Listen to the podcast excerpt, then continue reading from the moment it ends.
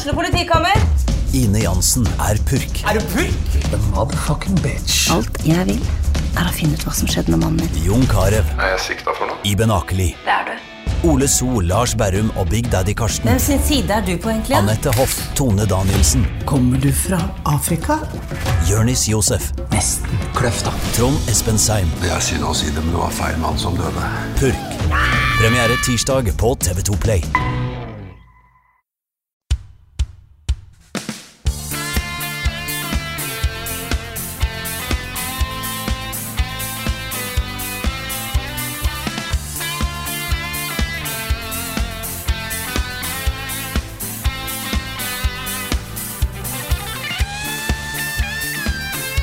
Er det Carl som har blitt jæklig flink til å etterligne Frida?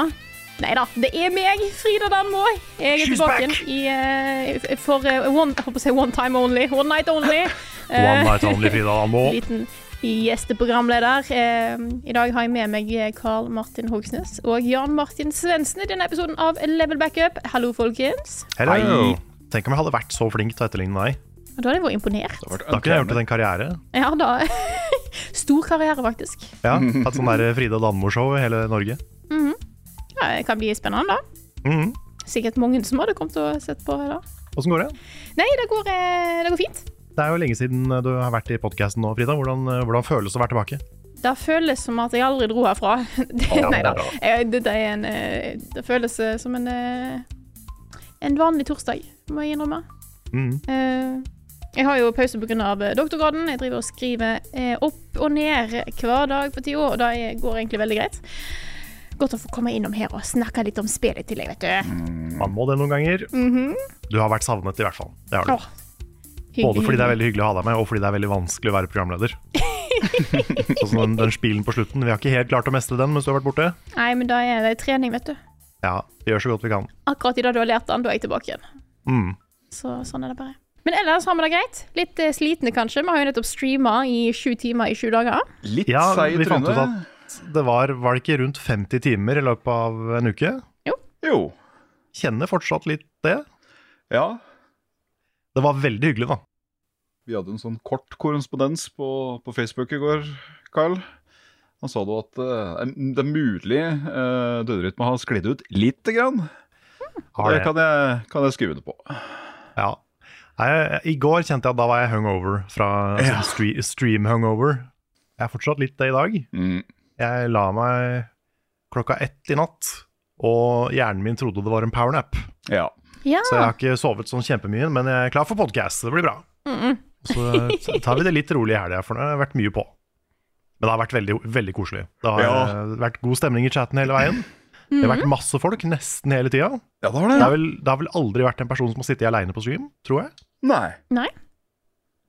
Så det er jo Det var kjempehyggelig. Det har vært en sånn veldig fin sosial uh, uke med streams, og det setter jeg kjempepris på. Så alle som har vært med, både av dere og av eh, folk i chatten og sånn, har vært kjempekoselig. Så um, tusen takk, folkens. liksom det laveste med, med seere var sånn gjengs rundt 280 til enhver tid. Så det er, eh, det er Ja. ganske kult. Det er kult. Det har vært uh, trøkk. Det har vært skikkelig trøkk. Det har jeg. Og jeg har, kan også bekrefte at eh, Sondre, vår highlight-klipper, er i gang. Han har begynt å klippe highlights, og eh, hvis du vil se noen av streamene som du gikk glipp av, så ligger de også ute på Twitch. Han har nok jobb foran seg nå. Han har mye foran seg, men han, er, han sier han er gira. da. Ja, Men det er kult. Det er bra. Microsoft har kjøpt alle spillselskapene i Japan. Mario har blitt pensjonist. Half-Life 5! Hideo Kojima starter spillstudio i Bodø. Skyrim er nå tilgjengelig på Mars. Miyamoto har lagd en kano. EU forbyr teabagging i spill.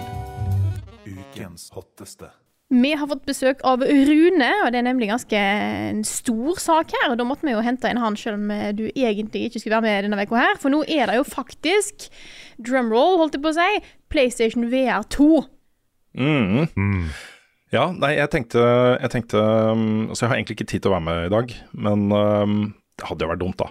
Hvis ikke vi snakka litt om PSVR2 denne uka her, som det faktisk lanseres. Så, um, så jeg stiller opp, vet du, for å det er dele erfaringer og sånne ting. Kan jeg nevne også at uh, i går, på onsdag, så hadde jeg uh, Andreas på besøk hjemme hos meg. Han henta da med seg uh, PSVR-kittet som jeg har uh, testa. Eh, og han har fått masse koder, og også eh, eh, hva skal man si, full tillatelse til å kjøpe det han mener er eh, de viktige lanseringsspillene til PSVR2. Der kommer det eh, stor pakke fra han, da. Og vi vet hvor kjapt Andreas jobber, så det tar nok ikke så lang tid. han sa han skulle runde eh, Horizon i dag, oh. og da er sikkert videoen klar i morgen. Jeg, kanskje ikke da, så kjapt, men Det er kanskje ikke så kjapt. Nei, men eh, der kommer det innhold fra Andreas i hvert fall, og han, han er veldig på ballen. Og har testa masse VR før, så dette blir kjempebra. Kult, kult, kult. Mm, men jeg testa jo for, eh, for NRK. Det er gøy å ta en sånn fot i VR-bakken innimellom. Ikke sant? Etter hvert som teknologien utvikler seg, det kommer flere og flere piksler på disse skjermene. Um, og field of view blir større, og flere frames i sekundet. Og ting, altså det går i en retning, da. Um, ikke så fort som jeg hadde øh, kunne ønske meg, egentlig. Det er vel el- elleve år siden? Nei. Når er det Oculus kom? Det er veldig lenge siden. Oh, Jeg lurer på om det kan være sånn 10-11 år siden. jeg kan google litt Det er ikke jeg. så lenge siden, men det er i hvert fall åtte-ni. Jeg tror det faktisk er 11 år siden du og jeg, nesten 11 år siden du og jeg testa den første Oculus-betaen som kom ut. Men jeg tror ikke det var VG. første året mitt i VG, var det det? Jeg lurer på om det kanskje var det, skjønner du. Jeg tror- Jeg googler, jeg googler. Okay. Ja. Okay, Men kanskje. uansett, da. Da husker jeg, da var det jo eh, vilt imponerende allerede da. Bare den følelsen av å få liksom mye av synsfeltet ditt eh, pakka inn i disse verdenene, og du kunne se deg rundt med hodet ditt og øynene dine og, og sånt på en måte som jeg ikke hadde gjort før, ikke sant.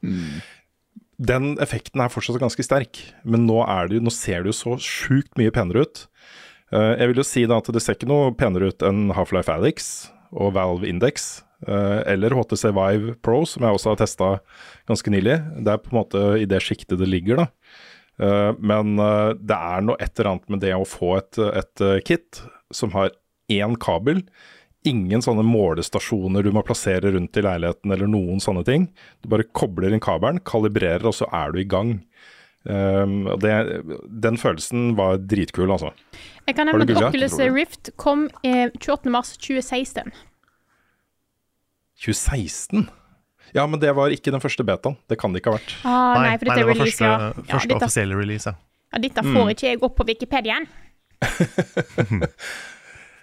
Um, det er jo et helt utrolig godt lanseringsbibliotek også til PSVR2, og det er jo på en måte den største styrken uh, de kommer med nå. Det er en fullverdig VR-plattform som har massevis av spill allerede fra lansering, med en, uh, en forbedra teknologi, særlig sånn øyetracking og presisjon i bevegelsesstyringa i headsetet uh, og i, i kontrollerne er dritbra, liksom. Det er, eh, det er så bra VR er i dag.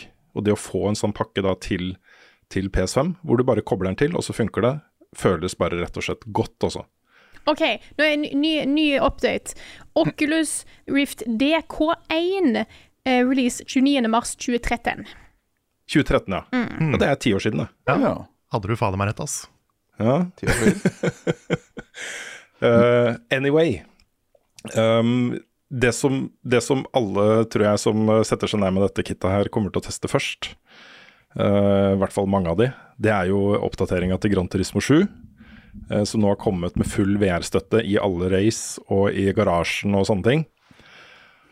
Og jeg, jeg vet det har kommet bilspill i VR før, og det er sikkert flere av de som kan konkurrere eh, med det du opplever i Gran Turismo 7.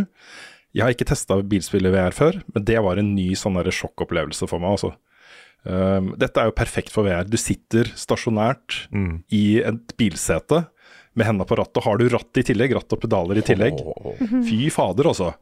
Eh, den følelsen, og du ser deg rundt, du kan se ut av vinduet ikke sant? uten at bilen eh, beveger på seg. Du kan eh, liksom flytte på blikket og se i bakspeilet, istedenfor å liksom ha det der speilet midt på skjermen eller et eller annet som man vanligvis har i bilspill.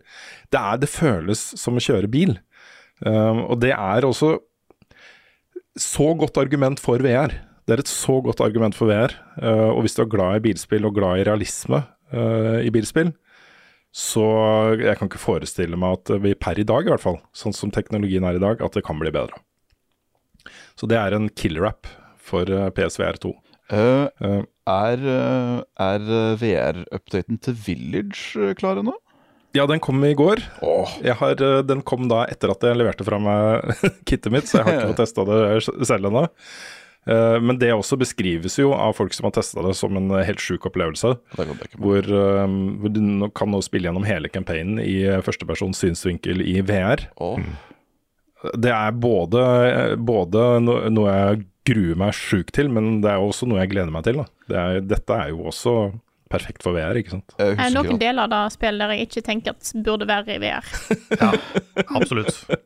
Men det er samtidig da, er sånn Om ikke akkurat den opplevelsen, for den er litt for skummel for meg, men, men liksom den type opplevelser i VR Mm. er jo det jeg også er litt ute etter. Litt sånne Ja. store, fullverdige megaspill som faktisk er designa for VR, og ikke er sånne korte, litt sånn tech-demo-aktige spill. da Så mer Ja, av det. det, ja for det, men det, det er på en måte mitt ståsted også med VR. Fordi um, Horizon Call of the Mountain er jo det spillet som er veldig sånn inspirert av Half-Life Alyx og alle de greiene man kan, kunne gjøre der. Og den eh, leken med det at du, er, du spiller et VR-spill. Eh, de har lagt i masse du kan plukke opp sånne mariachier og begynne å eh, Ikke sant. Det er jo masse greier du kan gjøre i det spillet som er bare en sånn derre eh, tech-demofil. Litt sånn dette er, Nå er vi i VR, ikke sant. Du har sånne kontrollere, du kan bruke hendene dine. La oss finne ut hva vi kan gjøre med det. Um, det, det som er det aller beste med det spillet, er de situasjonene hvor du er stasjonær. Sånn som introsekvensen til Horizon, hvor du sitter i en kano og bare kan sitte og se på den, den verden som de har skapt her, er det som gjorde det absolutt sterkeste inntrykket på meg også. Det å se disse robotene komme liksom tett inntil deg, føles som du kan ta på det, ikke sant. Eh, kikke deg rundt og se liksom sollyset komme gjennom trærne og ned i vannet og se ting som skjer der og alt dette her. Det er også så fett. Eh, og så skulle man begynne å spille, og da er det ikke fullt så fett lenger, syns jeg, da. Eh, det er et eller annet med den der måten man beveger seg på i den type spill, som, eh, som gir en sånn disconnect for meg. Som gjør at jeg fortsatt nok vil foretrekke å spille den type spill på flate skjermer eh, inntil videre. Så um, Men um, jeg tror det er litt vanlig sak også. Jeg tror uh, Andreas har spilt masse av den type spill og syns det er kult. Uh, og hvis du liksom bare venner deg til det og, og uh, hodet ditt aksepterer det, så, så kan det nok være fullt mulig å få en fullverdig opplevelse, sånn som med Half-Life Alex f.eks., som jo mange elsker. Ja, ellers så må fremtidige hus bare ha et sånt tredemøllerom. Ja. Ja. Ja. Ja, det er sant. Jeg, altså, det er et eller annet med den der teknologien der som eh, Der er vi et stykke unna, tror jeg. Altså. Mm. Det mest interessante der er jo eh, det arbeidet som gjøres med å påvirke balansenerven din i mellomøret. Hvor eh, du faktisk kan narre da, hjernen din til å tro du beveger deg, mens du egentlig bare står stille. ikke sant? Du bare manipulerer balansenerven til å tro at du beveger deg. Da begynner det, da begynner det å ligne noe. Det er på en måte litt der vi må komme. Det må være enkelt. Uh, ikke at jeg sier det er enkelt å manipulere balansenerven. Derfor merka du noe form til sjøsjukhet eller noe sånt i starten? eller? Nei, jeg har ikke merka noe til det, og det var jeg veldig glad for. Eh, ikke noe hodepine, ikke noe eh, kvalme, eh, og det har jeg alltid blitt, egentlig. Eh, selv med Half-Life Alyx etter en stund så ble jeg litt småkvalm. Okay. Her uh, testa jeg masse over tid, eh, og lange strekk, liksom, og ble ikke kvalm. Og jeg, det er nok fordi også Nå er det jo en 4K, det er to 4K-skjermer eh, med veldig mange bilder i sekundet. Eh, og da blir på en måte flyten i opplevelsen såpass god da, at, eh, at, eh, at jeg, hodet mitt aksepterer premisset. At vi er i en virtuell verden, ikke sant. Så bra. Uh, og så er det litt igjen på grafikken.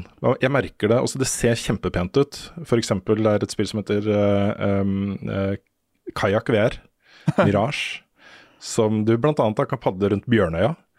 Det var jo det, kanskje det, jeg tror det var det første jeg gjorde, For Gran Turismo 7 hadde ikke kommet ennå. Og Det også er en sånn naturopplevelse hvor du sitter helt rolig i en kano og padler, ikke sant. Um, som var kjempeflott. Den var kjempeflott. Og rent sånn overflatemessig så ser det sjukt bra ut. Det er en sånn naturopplevelse som er dritbra, men så begynner du etter hvert å legge litt merke til sånn grains i, eh, i bildet. At det ikke er helt på plass, liksom. Det her er det. Dette er tiles av innhold som, som eh, narrer deg til å tro at det er et fullverdig 3D-bilde, men som det, det er noen joints her som er synlige. Eh, og hvis du begynner å legge merke til de, så, så er det vanskelig å la være, da.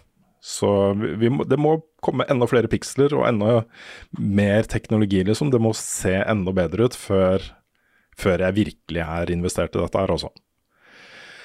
Og så er det også interessant å se at um, mange av de beste opplevelsene her er jo også tilgjengelig på andre plattformer. Uh, det er jo et spill som jeg ble veldig glad i her, uh, som jeg ikke har testa før, men som har jo vært på markedet i mange år, som heter Thumper. Det kom jo til og med til forrige PSVR, som er et sånn on rails action-rytmespill. Du kjører dritfort langs en sånn rutsjebane som svinger, og så må du trykke på knapper i sekvenser og sånt. Ja, det tror jeg jeg har spilt. Det er dritstilig, og det er helt konge i VR. Helt konge i VR. Her har du fått en betydelig oppgradering til PS5, selvfølgelig. Um, så um, det er et eller annet med musikken og kombinasjonen musikk og grafikk og, og gameplay i det spillet som traff meg sjukt godt, altså. Det var et uh, kongeopplevelse. Eller så kan jeg nevne noen av de andre lanseringsspillene. Det er jo 40 spill klare til lansering. 40 spill, folkens! Mange av de da multiplattformspill, men jeg, kan, jeg har plukka ut uh, de mest interessante. Uh, Cities VR, Enhanced Edition, hvor du da kan bygge by. At da funker uh, VR, ja, nei. Ja. Og så er det et spill som heter Demio, eller Demio, som er et uh, top down uh, penn og papir uh, bre- brettrollespill. Hvor du sitter liksom som gamemaster over brettet og driver og plasserer ting og sånt. Det også funker uh, kjempebra. Uh, Gran Turismo 7 selvfølgelig. Uh, Horizon Call of the Mountain selvfølgelig. Du har en Jurassic World-opplevelse som heter Jurassic World Aftermath Collection. Som oh. er litt den derre Er det han som blir spist opp på do? ja. ikke sant? Men det er litt den derre? Du kan sitte og se på dinosaurer, det er, det er et kult premiss. Uh, Kajakk VR Mirage, selvfølgelig. Moss og Moss Book, Book 2. Uh, no Man's Sky fikk en oppdatering til lansering uh, i, i VR. Det har jo vært tilgjengelig på VR uh, både eh, på Oculus eh, og PlayStation VR før. Nå har det fått en PS5-oppgradering. Eh, Pavlov VR det kommer jo på Early Access eh, til andre VR-plattformer nå hvert øyeblikk. Eh, Dette den, er den første liksom, ordentlige lanseringen av det, som er et, eh, et veldig stilig skytespill. Jeg er helt sikker på Jeg er helt sikker på at Andreas kommer til å spille det spillet. Jeg tror Han har snakka om det før. Eh, I samme gate, Pistol Whip, en annen sånn VR-favoritt på, på Steam. Uh, Resident Evil Village, selvfølgelig. Uh, Res Infinite har fått en ny versjon her. Det er kult, altså. Det bruker øyetrackinga til å sikte. Det har jeg ikke opplevd å være så fett før. Dette er jo kongespill, det er også en klassiker. Um, Star Wars Tales from the Galaxy's Edge ha Enhanced Edition. Eh, det er litt sånn der tablå-versjonen av Star Wars. Du får noen scener fra Star Wars. Ja, er ikke den basert på en ride i Disneyland eller noe sånt? Det tror jeg faktisk stemmer, Karl. Ja, Jeg kan ikke skrive under på det, men jeg tror det stemmer. Så ja, Og så Tetris Effect Connected, da. Det var fett, altså. ja men det er kult. Det er kult det her. Ja, det er kjempekult i VR, og det har jeg også vært ute før, selvfølgelig, men uh, det funker kjempebra her. Uh, Thumper nevnte jeg. Tentacular, det er jo Devolver Digitals uh, bidrag. Uh, som er uh, egentlig akkurat så weird som det høres ut som. Um, Townsman VR, litt sånn uh, anno uh, um, City Builder, hvor, eller sånn samfunnsbygger uh, fra litt sånn gamle dager. Uh, unplugged air guitar. Oh. Også et sånn on rails skytespill som eh, heter Zombieland Headshot Fever Reloaded. Det er også et uh, spill som har vært utgitt før, men da er vi jo litt sånn uh, lyspistolleie, ikke sant. Man flyr rundt og skyter zombier. Og alt dette her er på en måte Hvis du skaffer deg en PlayStation VR, så er det ikke noe manko på, på spill å velge. Eh, og, og de vil funke, og de, de vil gi deg en kul opplevelse. Og særlig hvis du har bare vært nysgjerrig på VR og ikke testa det før så mener jeg dette er den beste inngangen. Eh, For det første så slipper du å eh, gi penger til eh, Mark Zuckerberg. Det er jo et poeng, for meg i hvert fall. Eh, det må jo sies at MetaQuest 2 er nok den letteste og mest tilgjengelige og mest populære VR-kittet som er på markedet i dag. Jeg leste i Aftenposten i dag at den har solgt eh, 20 millioner eksemplarer. Jesus. 20 millioner eksemplarer, mye pga. et treningsprogram som ligner litt på Beat Saber. Hvor um, det, det har tatt litt av, rett og slett. Um, og det er jo et standalone-sett. Du trenger ikke PC engang. Du kan jo bare bruke, bruke den kobla til et eller annet, og så kjører den datakraften og sånt fra selve headsetet. Um, til og med trådløst. Så, så det, det, det blir jo ikke mer tilgjengelig og brukervennlig enn det. Men det er meta, da. Det er meta. Og jeg, er ikke, jeg, jeg vil ikke at meta skal være den som vinner kampen om, eh, om VR. det er litt skummelt. Klarer ikke å hoppe engang. Hmm? De klarer ikke å hoppe engang. Ikke sant. Nei, så jeg mener jo dette er på en måte den Har du en PlayStation 5, da, eh, så koster dette her 6600 ca. For et fullt kit. Eh, Du kan kjøpe en, eh, en bundle med eh, Horizon til rundt eh, 7000. Um, og det er det er på en måte, Med tanke på Spexa, så er det på det lavere, la, den lavere enden av det, den skalaen, det sjiktet, eh, for hvor mye disse headsetene koster. Det ligger et par tusen under eh, tilsvarende til HTC f.eks. Det ligger enda flere tusen under Valve Index. Eh, ligger litt over MetaQuest 2, eh, men det, det har jo lavere Specs. Det er ikke fullt så uh, fullspekka. Det kommer MetaQuest 3 til høsten. Der, uh, det, det tror jeg nesten vi må følge litt med på. For da snakker vi nok uh, tilsvarende Specs, men med liksom Du kan bare ha den trådløst hvor du vil, type ting. Det er uh, ja. For PSVR 2 den har én kabel. Én USB-C-kabel som du kobler til. Eh, og så er kalibreringa bare dritenkel. Den uh, tar deg gjennom den en sånn kabelen er like lang som den PlayStation 5-ladekabelen. ja, du må, stå, du må stå og stange i TV-en. ja, nei, den er lang og solid, så, Ja, den så det går bra. Det er bra. Uh, Det er, også, det er sånn knapp, bare en knapp på det headsetet du trykker på. Da er det sånne kameraer som gjør at du kan se gjennom headsetet og plukke opp kontroller eller gå og ta telefonen eller, eller si hei til barna dine eller Ja, det er smart. klappe hunden. Mm. Uh, så det, er faktisk, det funker kjempebra, altså. Um, jeg vil også nevne at jeg har bare spilt det med briller. Uh, og jeg merker jo av og til Så Briller har jo en sånn, slags sånn forløpning som gjør at når det kommer litt lys inn på sidene, så vil du se det enda tydeligere. Uh, de sånne der kanter uh, på utsiden, utsiden av brillene. Jeg skulle gjerne ha spilt det med linser, men det funker faktisk kjempebra. Headsetet er stort nok og, og tilpassa at folk eh, kommer til å bruke briller i det også. Så, så det, var, det var ikke noe stor issue for meg. Det, jeg syns det funka kjempebra. Altså. Hmm. Så jeg gleder meg rett og slett til, eh, til det kittet eh, kommer retten tilbake, eller vi får et nytt et, for jeg har lyst til å spille mer. Det, er, det var en utrolig hyggelig opplevelse. Jeg, jeg mener jo dette er Dette er så bra VR er i dag. Eh, Og det å få det på en PlayStation 5 syns jeg var utrolig effektivt. Det, det er en, et ganske overbevisende argument at, eh, for at VR har noe for seg, altså. Eh, Særlig med den type opplevelser som egner seg best til det, som f.eks. Gran Turismo 7. Det er, en, det er virkelig en killer-app til VR, altså. Det er bare å ta en runde nå på sosiale medier og se folk som sitter med fullt uh, setup, med ratt og pedaler og VR-greier og sånt. Og det er helt vilt kult, altså. Det er kjempekult. Det eneste de må gjøre der, er å også lage menyene i VR. Det er litt sånn Du går litt inn og ut av, eh, av VR her. Du står blar i 2D-menyer, og så eh, plutselig så er alt VR når du sitter i bilen, ikke sant. Mm. Kanskje det største argumentet mot PlayStation VR er jo at du, du mister jo den der eh, svære mod-bølgen som er på PC. Mm. Der er det et gigabibliotek du ikke får tilgang til. Software-messig så, så er det ingen tvil om at det mest spennende, eh, altså frontlinjen av VR, er på, på Steam nå. Mm. Det, er der, det er der det virkelig, virkelig skjer. Det er der alle de kule nye eksperimentene kommer, og man tester ut ting og sånt. Og det er en sånn der ny, nybrottsfølelse som, eh, som er ganske intens.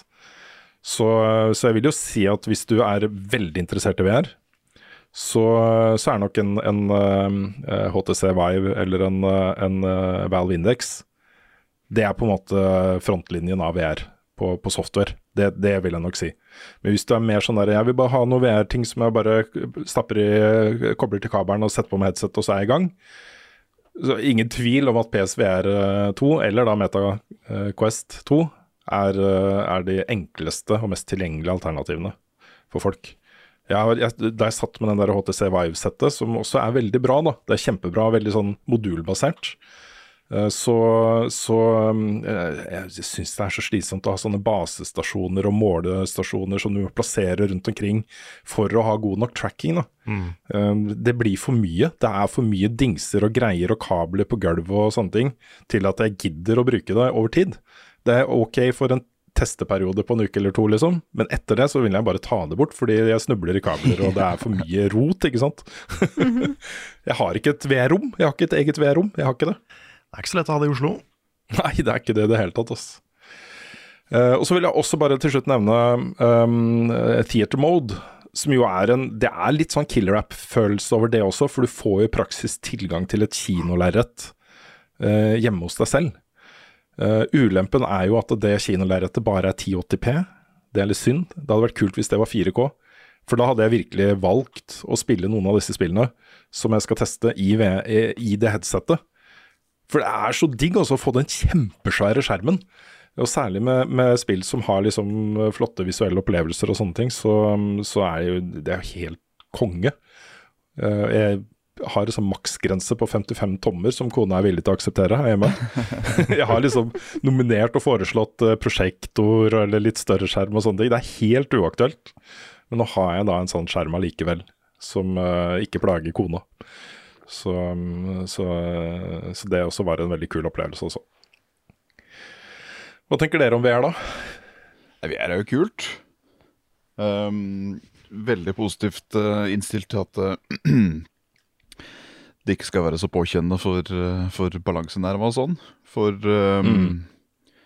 Husker når jeg spilte, spilte Resident Evil 7 på det første VR-settet til PlayStation. Ja. Da, da trengte jeg i hvert fall en hel dag på å bare bli vant til at jeg satt i VR. Ja, Etter tredje time da så var det sånn Ja, Ness, ja men det, det var VR for i dag. Nå orker jeg ikke mer. mm. Ja, for jeg er liker veldig godt VR-teknologien i seg sjøl. Jeg gjør det. Eh, Jeg har bare ikke Mm. eh, jeg, Det er jo jeg som har det gamle PlayStation VR-headsetet vårt nå. Oh. Eh, Jeg har brukt en del til Beat Saber og sånne ting, men jeg har ikke helt Har ikke helt havna på bølga. Nei, jeg også er litt der. Jeg har jo anmeldt noen VR-spill. Lagde en veldig sånn tidlig VR-serie på kanalen. Og jeg er nysgjerrig på PSVR 2. Samtidig så tenker jeg mye på hvor lite jeg brukte PSVR 1. Mm. Og det er jo en case når det koster så mye, og når du har liksom Det er, det er prisen av enda en PlayStation, på en måte. Mm, det er det. Så um, der er jeg ikke helt jeg, Hvis jeg ikke skulle anmeldt noe, så er det ikke sikkert jeg hadde kjøpt det. Nei, men jeg, jeg tror vi nå i løpet av 2023 kommer til å, å komme til litt sånn skille uh, der. Vi har jo ikke for vane å anmelde VR-spill. Um, det er jo mye fordi vi sitter jo ikke med oppdaterte VR-kits i det hele tatt. Nå har vi et sånt kit, eh, og jeg tror at det vil være fornuftig å ta for oss de største VR-utgivelsene og lage anmeldelser av de, eh, ting som kommer framover. Jeg er helt sikker på at de neste to, tre, fire årene kommer det til å skje utrolig mye um, eh, nybrottsarbeid i VR. Det vil komme utgivelser og spill og opplevelser som, eh, som er viktige for spillmediet, på samme måte som Half-Life Addicts var det. Eh, og der tenker jeg vi nok må være litt på ballen altså. Men jeg er litt sånn som deg, Carl. Eh, nå har jeg testa det, og jeg er superhappy med den perioden. Jeg er strålende fornøyd med PSVR2. Jeg syns det er et kjempebra, kjempebra teknologi. Men det skal litt mer til før jeg prioriterer den plattformen foran andre plattformer. Før jeg, når jeg skal slappe av, liksom, sette meg ned for å kose meg med et spill, Ja. eh, så skal det fortsatt litt til før det er dit jeg går. Ja, for der er ikke VR noe for meg heller. Jeg, det er litt pes med VR, fordi du har den der svære klossen på huet. Og da er det vanskelig å liksom, sette seg ned og slappe av og kose seg med et spill over lang tid. Ja. Du blir jo sliten i øya, og du blir sliten i huet, og du blir sliten, du blir svett, og det er liksom ekkelt å ha på seg etter hvert. Og det er, det er en del sånne ting Mm. som er vanskelig å gjøre noe med akkurat nå. Kanskje må de bli solbriller for at vi skal komme dit. Ja, jeg, jeg, det jeg faktisk tror på, dette her er litt science fiction, da, men linser, kontaktlinser, Må det ja. er det jeg tror kommer til å bli greia. Um, og da i neste, om 50 år, liksom, om 70 år, uh, nye øyne. Nye øyne. som er datamaskiner og skjermer, liksom. Som sender uh, sant, hva som helst da, til, uh, gjennom optiske nervene inn til hjernen din. Oh, men sånn faktisk, faktisk, men- da. Um, nå husker jeg jo igjen ikke hva det spillet heter. Eh, er det Witchfire det heter? Det som skal komme? Ja. Ja. Ja. Se for deg hvis det kommer i VR, og det blir multiplayer uh, compatibility med det. ja. Da er, da er plutselig VR uh, litt på topp, tror jeg. Ja, for det er noen sanne opplevelser, sånn som Pavlov VR og Pistolip og sånne ting, som er multiplayer, og hvor du er inne i, i på en måte virtuelle verdener hvor du duellerer mot hverandre. Uh, er en, det er noe et eller annet med det som er utrolig fett, altså. Eh, da er vi litt over i metaverse-tankegangen. At du gjør greier med andre, mer enn å sitte isolert i en sånn herre boble. Uh, hvor du stenger verden ute, liksom. Men du flytter inn i en annen verden hvor det er andre mennesker, og hvor du gjør andre ting. Og det er jo også killer-appen på, eh, på Oculus da, og MetaQuest. Er jo VR-chat. At man bare rusler rundt i virtuelle verdener og snakker med folk, liksom. Um, det, er, det, er, eh, det er ganske viktig også for VR og på sikt. Uh, at man ikke bare soser rundt aleine. Ja. Jeg tenker også litt sånn, hvis det kommer et spill på PSVR2 da, for eksempel, som er ti av ti, som er liksom på The Last of Us eller God of War-nivå, liksom, og bare er i VR, Ja. da, da hopper jeg på. Mm. Men jeg venter, litt, jeg venter fortsatt på den. da. Sånn, Half-Life Alex er nesten der, Mm. men, eh, men ja, flere av de. Ja, jeg er eh, helt enig i det også.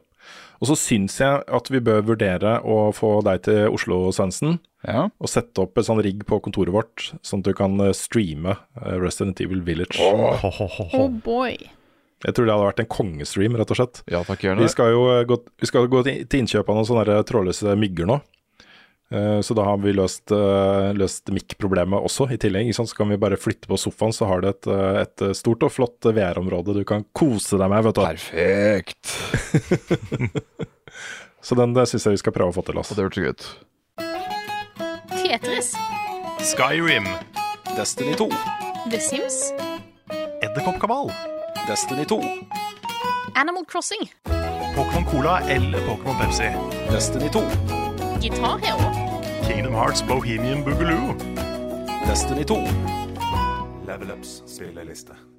Nå har vi spilt ganske mye forskjellig på stream i det siste, eh, men det nyeste eh, blant oss tre er det du, Carl, som har spilt, og det er jo Wild Hearts, som du tok på en av de ganske tidlige streamene. Det er sant. Vi spilte det på lanseringsdagen. Det var meg, Nick Svens og eh, Andreas. Yes. Spilte Wild Hearts sammen. Hearts. Og for de som ikke vet hva Wild Hearts er, så er dette da et uh, spill som er Monster Hunter i alt unntatt navn. Det er så Monster Hunter at det nesten er litt uh, stygt. Det kunne liksom Hvis, hvis spillet hadde hett Monster Hunter World 2, så hadde jeg ikke reagert. Nei, det, det eneste jeg har Altså Nå har jeg ikke spilt et Monster Hunter, men jeg har sett ganske mye av det. Mm. Og det virker som om det eneste som, som virkelig differensierer seg fra det, det er den der byggemodusen. Ja. Litt sånn Monster Hunter møter Fortnite, Ja. Kind of. Hvor du har de samme svære bossfightene mot svære monstre. Og de samme svære våpnene. Og veldig svære våpen, ikke minst. Og de tar jo lang tid. Det er jo sånn fort 20 minutters bossfights, liksom. Jeg tror vi brukte nærmere halvtimen på han derre Nassenøf. Ja, han grisen, ja. Ja. Så det, det der lange, seige fights, det er jo på en måte eh, konseptet. Men du har også da, i Wild Hearts en sånn byggemekanikk hvor du kan eh, bygge bokser, f.eks. Og så kan du, de bare duk, dukker opp sånn instantly. Og så kan du klatre opp på boksene og ta en sånn skikkelig powerful plunging attack ned på en boss. Mm. Og det er noe av det mest kraftige du kan gjøre, tror jeg. I, hvert fall så langt i spillet. Det gjør mye damage. Mm. And it feels pretty good. It does. Eh, Du kan jo da spille samme folk, sånn som vi gjorde. Maks eh, tre personer, så vi kunne jo ikke spille alle fire samtidig. Det var litt trist. Jeg syns tre er et merkelig tall, skal jeg være helt ærlig. Ja, for du har jo fire i Monster Hunter. Ja, hvorfor ikke fire? Hadde vært fint å fått inn en fjerdemann. Ja. Hadde jo plass til det til og med, Ja, men, men, uh, men sånn er det. Men uh, nei, men det var, jeg syns det var gøy. Det er jo, Selv om du kan, du kan si at det hermer mye etter Monster Hunter, så hermer det jo på en god måte. Det er jo veldig polished uh, så langt, syns jeg. Mm. Veldig mye av den samme fysikken, veldig mye av den samme, samme gameplay-flyten. Med at du utforsker et åpent område, finner the target og tar ut the target. Mhm. Og så har du en historie som er like dårlig som en Monster Hunter. i hvert fall så langt. Ja. Det var veldig vanskelig å bli engasjert i de, eh, de tørre stemmene som prata til deg. Ja, de, var, de, de liksom lange monologene mellom eh, karakteren din og de andre karakterene, de var flate, ass. Ja, utrolig flate. Det var sånn tidlig altså sånn BioWare på sitt dårligste, på en måte. Ja. Når det er sånn Når, når du, du har to personer som bare står og prater til hverandre, og så er det ikke spennende det de prater om. Nettopp. Det er bare worldbuilding for å, for å worldbuilde. Så var, det var tørt. Og så var det Men, veldig, eh, det var veldig pussig med den der blandinga av japansk og engelsk. Ja. Jeg tror det var et forsøk på liksom Dette foregår i Japan. Ja. For, eh, for, for de snakker engelsk. Yes. Men noen ganger så kommer det en sånn Arigato gozaimasu. Ja, ja. Og sånn. Oh, you're a hunter. Sugoi. Sugoi Ja. desne. Sånn. Så det er, det er et eh, ar- artistic, artistic choice. Ja. Men, um, men førsteinntrykket mitt er ganske positivt, altså. Jeg har spilt litt mer etter at vi, etter at vi ga oss. Egentlig bare kommet til uh, hubbyen, for det gjorde vi ikke på, på stream. Vi tok de tre første bossene. ja, vi fikk ikke lov. Nei, det stemmer det. Vi hadde sånn trial-versjon. Yes. Men etter, etter de tre bossene så kommer du til huben. Og der har du liksom en eh, blacksmith, og du har masse quester, og du kan ta sidequester, og du kan ta sånne missions, sånne som du kan gjøre liksom i, i tandem med faktiske høns. Ah, Så det er mye, mye som åpner seg der. kult. Eh, Jeg har fortsatt ikke fått flere typer våpen. Jeg har jo lyst på den der kloa og, og, og kniven. Og så er det visst en bazooka. Er det det òg? Ja, Det er gøy. det er veldig gøy. Det klør faktisk litt etter å spille sjøl, så det Mm. Jeg må gjøre en, eh, gjøre en sterk vurdering på om jeg skal kjøpe det. Ja, vi har jo snakka litt om å kanskje ta en sånn liten Brabarbarer-session med, med Wild Hearts. Yes. Det hadde vært gøy. Jeg er veldig down for det, altså. Ellers så, jeg vet ikke hvor hvor mye mer det er egentlig er å si om det. Det er jo, Hvis du har spilt Monster Hunter, så vet du veldig godt hva du kan forvente. Og hvis ikke, så er det litt vanskelig å komme inn i, Ja. Ja. kan man kanskje si. For Monster Hunter er jo kjent for å være litt vanskelig å komme inn i. Det er tunge fights, det er tunge våpen. Det er, det er ikke sånn at når du trykker på en knapp, så slår du. Nei. Det tar gjerne litt tid før det sverdet faktisk eh, blir løfta og deiser i bakken. Det var vel bare katanaen og paraplyen, og kanskje bua, jeg veit ikke, som eh, oppførte seg sånt. Men med mm. den der Kembo-kliveren din og den hammeren min som var større enn meg sjøl, så tok litt tid å svinge. Det gjorde Nå er det jo flere som har testa sjangeren, da, med Dauntless, som eh, kom for ikke altfor lenge siden, et par år siden. Mm. Eh, så det kan jo være at det er mange som har lyst til å teste ut dette her, da. Mm. Det er, det er kult, det, altså. Så er det jo bra med litt konkurranse. Kanskje de mm. endelig får Monster Hunter til å fikse crossplay, f.eks. Det har de jo slitt med. Ja, det har det spillet her. Wild Arts var crossplay med en gang, var det ikke det? Det har full crossplay, Ja. så det er ganske nice. Nei, den, den største nye tingen da, satt opp mot Monster Hunter, er den der byggegreia hvor du har um, Du har de boksene, du kan også bygge en sprettert. Ja. Jeg fant, fant også ut at hvis du bygger tre spretterter oppå hverandre, så blir det til sånn tegnefilmhammer. Som trekker seg tilbake, og så slår som en sånn, som en sånn snurresprettfilm, liksom. Slår deg vekk, eller slår fienden? Slår fienden. Oi, Som blir en gigahammer, liksom. kult. Den var ganske stilig. Eh, Du kan også, hvis du bygger masse bokser, Ja. så, kan du, så bygger du en sånn svær vegg ja. som monsteret kan krasje i. Og da gjør du masse stun damage. Jeg forstår han uh, Nasse. Han uh, hvelva vel etter han headbutta inni den. Yes. Og så kunne du jo òg lage disse, disse ballistaene, sånne ziplines. Ja, de var kule. Og de fant man ut på slutten av den snøfighten at ja, pokker, de kan du skyte på bossen og begynne å klatre. Det kan du. Jeg fant også ut at de der lysende punktene på den, Ja. de var ikke weak spots, men de var klatrepoints. Ja. Så du kan hoppe på et dyr og liksom klatre på de, på de punktene. Det gir mening, fordi um, når jeg hovra over en av de mens jeg klatra, så liksom slo jeg den inn. Og da Ja. fikk vi veldig mye sånn ekstra bygge, byggegreier. Stemmer. Ganske kult. Det er ganske kult. Det er noe her, altså. Og det var veldig gøy å spille med dere, ikke minst. Det var mer gøy å spille sammen enn å spille aleine. Ja, det kan jeg tenke meg. Så um, jeg har eh, lyst til å fortsette. Jeg, jeg merker at jeg, jeg kjeder meg litt når jeg løper rundt i den huben aleine. Ja, Da var det ikke så gøy. Så um, jeg har lyst til å gå ut på litt, litt hunts sammen med dere. ditto. Så ja, ellers så eh, Det er jo mye vi kan snakke om. Vi har jo spilt i en uke. Vi har det. Vi får prøve å holde det eh, litt eh, kort, eh, Ja. tenker jeg. Ja. Det Har kan du en være. eh, Et annet spill du har å trekke frem? Jeg må jo nevne at vi spilte Lill Gear Game. Jo, ligger- Det spilte vi på stream i et par timer. Mm. Kom jo et godt stykke ut i spillet. Vi kom til den store øya, der vi skal over, overbevise Big Sis om å være med på leken. Men hun har blitt for voksen og for ansvarsfull, sitter med skoleoppgave, Ja. og vi sitter og le- leker aleine. Dvs. Si aleine med alle de andre vennene våre på øya. Ja. Men det er ikke bra nok, fordi storesøster er ikke med, ikke sant. Nei, triste greier. Det er utrolig trist. Ja, er sitter du og jobber med oppgaver. Ja. Men det spillet er også utrolig morsomt. Det er en sånn herlig, søt, quirky humor Mm. Mm. som bare funker så bra i det spillet. Det er kanskje det søteste spillet jeg har spilt. Veldig skjevt. Dette er jo, dette er jo på Steam og Switch, i hvert fall. Mm. Og det, det er jo lite sånn Breath of the Wild i mikro, uh, mikroskala. Med litt uh, short hike, kanskje, inni der. Ja. Litt mer tøysete. Litt mer tøysete. Mm. Og eh, jeg, jeg er kjempeglad i det. Jeg syns det er et kjempebra spill. Du så det bare når han uh, Lill Gator, eller i vårt tilfelle Snips Snips. Snips. Når han bare begynte å gå, så var det sånn Å ja, ok. Dette blir, dette, dette blir en good time. Ja. Det er sånn fin, fin liten waddle. ja, skikkelig sånn toddler-waddle fra side til side. Mm. Kan jeg også nevne for de som ikke fikk med seg streamen, at vi hadde jo selvfølgelig full voice acting på alle karakterene i, i spillet. Det hadde Oh yes. Så eh, hvis dere vil høre litt eh, førsteklasses level up voice acting, så sjekk ut eh, den streamen. Det ble good time. Mm -hmm. Um, siste kvelden, ikke at vi igjen skal peile en podcast inn på at det skal bli en Elden Ring-cast, men uh, da spilte vi jo Seamless Coop-moden til, uh, til Elden Ring. Ja, Det gjorde vi i aller- player. I aller høyeste grad. Vi var seks stykker. Bortsett fra litt jank i de stedene man strengt tatt skulle forvente at det ble jank. Sånn som når vi skutter round table hold og litt sånn forskjellig. Så funka det der helt utmerket, altså.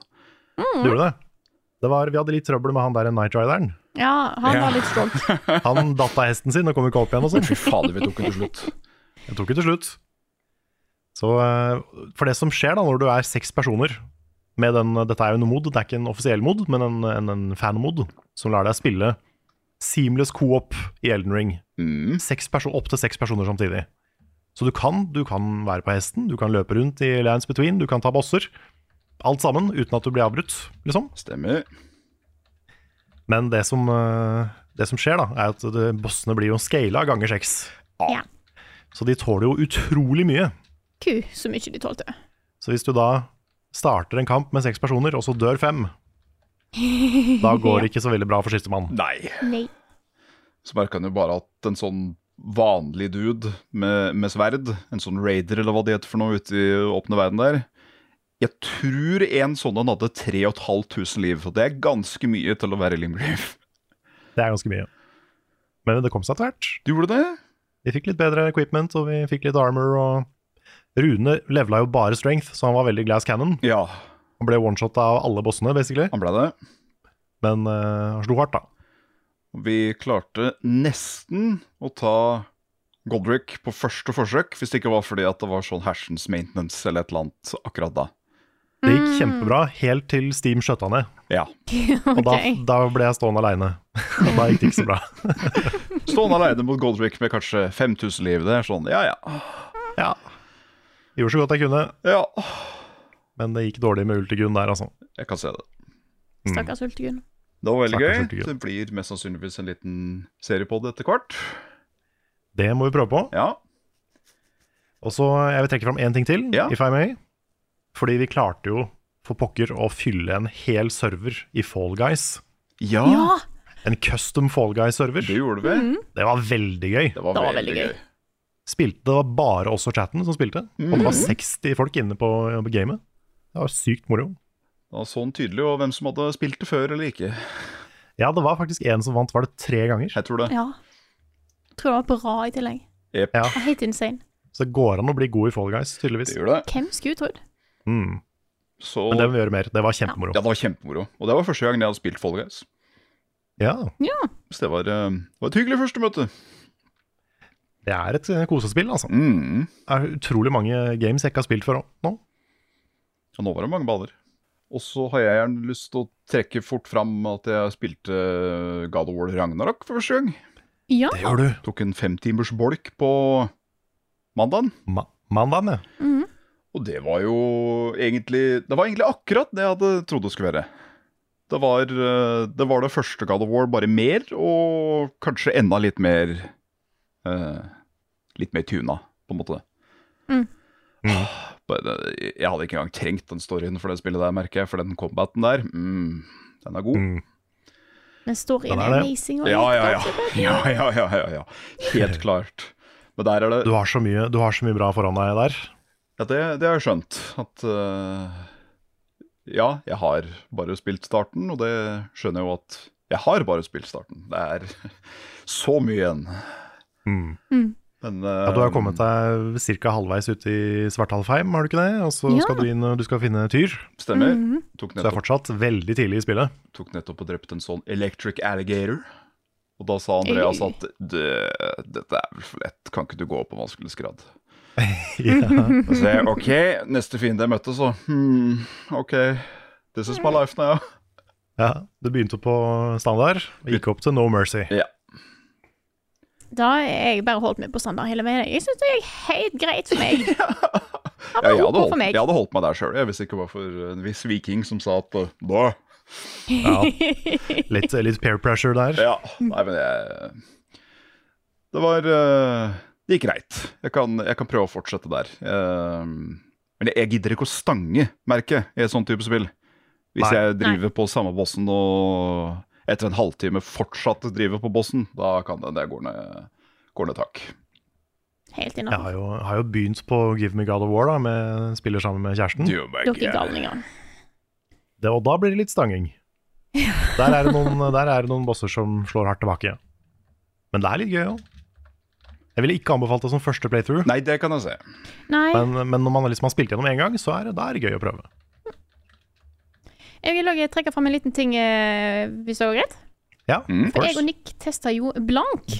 Blank. Blank. Eh, som eh, er jo et lite sånn eh, veldig cute spill. Eh, Svart-hvitt stil, der du spiller en eh, liten ulv og en liten hjort. Rådyr. Ting. Sånn. som, som begge har mista familiene sine og skal prøve å dra ut i verden, og så må de hjelpe hverandre. Det var Veldig sånn søtt, eh, koselig eh, puslespill. Vi fikk spilt det en times tid før jeg tror serverne døde. Ja. Eh, så Men veldig, veldig koselig. Det var, eh, det var en del eh, kule puzzles, og generelt bare kos. Og veldig stilig artstil på det. Veldig vakkert spill. Det var- spill. Ingen farger. Så, i det hele tatt. eh, Mm, det funka, for det var liksom et sånt eh, snødekt landskap, så da funka det greit. Det siste vi fikk gjort, det var basically å ake ned en kjempelang bakke, og det var helt eh, perfect. Det var akkurat det vi Mm. trang. Det var en fin sånn avslutning på den, den bolken. Mm. Men du har også spilt, Frida, Ja. A Little to the Left. Jeg har spilt A Little to the Left. Fra start til slutt. Runda hele greia. Du gjorde det? Mm, stilig sånn uh, puslespill der du skal, finne, du skal finne system og orden i ting. Og justere på litt sånn little to the left. eh, justere i bilderammer så ting blir beint. Men så blir det mer og mer avansert og mer og mer intrikate patterns da, du må følge. Veldig kult spill, altså. Det uh, hadde jeg sansen for. Mm. Jeg har Stilig hørt dag, folk, folk med OCD er veldig begeistra for det. Ja, da kan jeg For tro. det, det, er- liksom en sånn OCD, skal man kalle det. Ikke simulator, men, eh, men terapi, kanskje? Mm, kanskje. Har dere prøvd Vann fra springen? Jeg har sett en ny TV-serie ja, nå, vet du. Dette albumet må dere høre. TV-spill er ganske stas. Det er en serie som foregår in space. YouTube.com, der er det en kul nettside. Level Ups anbefaling. Svendsen, det er ditt, eh, ditt ansvar for eh, anbefaling denne uka her. Med ansvar så mener jeg at du sa du hadde en anbefaling, så det er So much pressure. egentlig. Ja. Ja, eh, jeg har fulgt litt med på et uh, spill. Um, skal jeg bare sjekke hvor lenge det har vært ute. For jeg tror ikke det er helt flunkende nytt, men det er nytt nok til at vi kan, vi kan prate om det. Mhm. Ja, det kan ikke stemme. Det kom ikke ut i 2018. Det er uh... Nei, takk skal du ha. 26. januar 2023. Greit. Yes. Og sikkert da det var demo eller et eller annet, jeg vet ikke. Uh, det så først ut som at det bare skulle være en eh, På måten det var animert og hele pakka, så tenk, fikk jeg umiddelbare assosiasjoner til Pyton, hvis uh, noen husker det bladet. Norsk tegneserieblad. Hørt Ja. om det, ikke lest så mye sjøl. Veldig, veldig vulgær, uh, kjempedårlig humor. Uh, masse tiss og promp. Eh, Så jeg trodde først at dette kanskje bare var en kjempesvær skittpost, shitpost, som det heter. Det er det ikke. Spillet heter Pizza Tower. Og Ja, men dette har jeg hørt om. ja, og dette er et kjærlighetsbrev til, eh, til gamle plattformer. Det er eh, putta så mye tid inn i animasjonen i dette spillet, og det er basically uh, Super Varioland i nytt format. Det er shoulder bashing, det er det å gå fort. Disse speedrunsa, de går hensynsløst fort, har jeg sett i det siste. Eh, du spiller da som uh, uh, Pepino Spagetti, Okay. som er en uh, pizzashop-eier som eh, strengt tatt ikke har så veldig mye å rutte med. Mest sannsynligvis så blir han uh, evikta øyeblikkelig. Uh, men akkurat når uh, ting er som verst, så skal det vise seg at eh, å, det er et tårn rett ved siden av huset hans. Som man ikke har fått med seg før nå. Som uh, strekker seg mot himmelen. Og på toppen av det tårnet så kanskje det er en skatt. Oi, oi, oi. Mm. Så da er det å klatre seg gjennom levels etter levels, få uh, secret items, få score på forskjellige baner, unlocke boss-dører, og så klatrer du bare høyere og høyere. Og det er uh, veldig gøy, veldig fort, eh, og veldig vanskelig til tider. Mm. Jeg så jeg måtte google det. Ja, Han ser jo ut som Vario, han, han fyren. ja, ja. ja. Men han, eh, han eh, Hvordan han har animert Han er den minst selvsikre protagonisten i et spill jeg har sett noen gang. Standardanimasjonen hans er liksom at den Å, å nei. Å, å. Men så har du alltid en sånn liten TV oppi høyre hjørne av spillet. Som på en måte uh, Chandler-mooden til uh, Pepino. Uh, så når du får full speed, så er det liksom sånne skikkelige Lunitunes-øyer som stikker ut av huet på den, en tunge som er tre meter lang til sida, som bare Og alt har liksom en animasjon, og det, er- det er veldig sjarmerende. Eh, Så så jeg det var en som hadde bare putta en compilation av alle custom animations, og da kunne du faktisk sitte i en halvtime og bare se på alle de. Oi. Så Wow. det er putta mye kjærlighet her. Ha. Og soundtracket er noe av det mer bonkers madness jeg har uh, hørt på lenge. Veldig retro, men samtidig veldig Det er mye gitarer og sånn i det hele, og det blir òg påvirka av musikken av hvor fort det går. Så er du i full speed, så hører du liksom Og så plutselig er ikke gitaren mer av musikken lenger hvis du slår opp. Ha. Kult. Ganske finurlig. Eh, Ja. Pizza Tower? 200 Hæ? Pizza Tower, hva er det det Pizza heter? Tower koster 200 kroner på Steam. Ja. Eh, det tør jeg påstå er absolutt verdt det.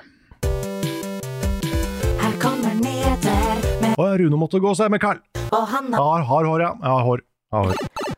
Vi har allerede snakka en del om VR i episoden. Nå skal vi snakke litt mer Oh. om VR.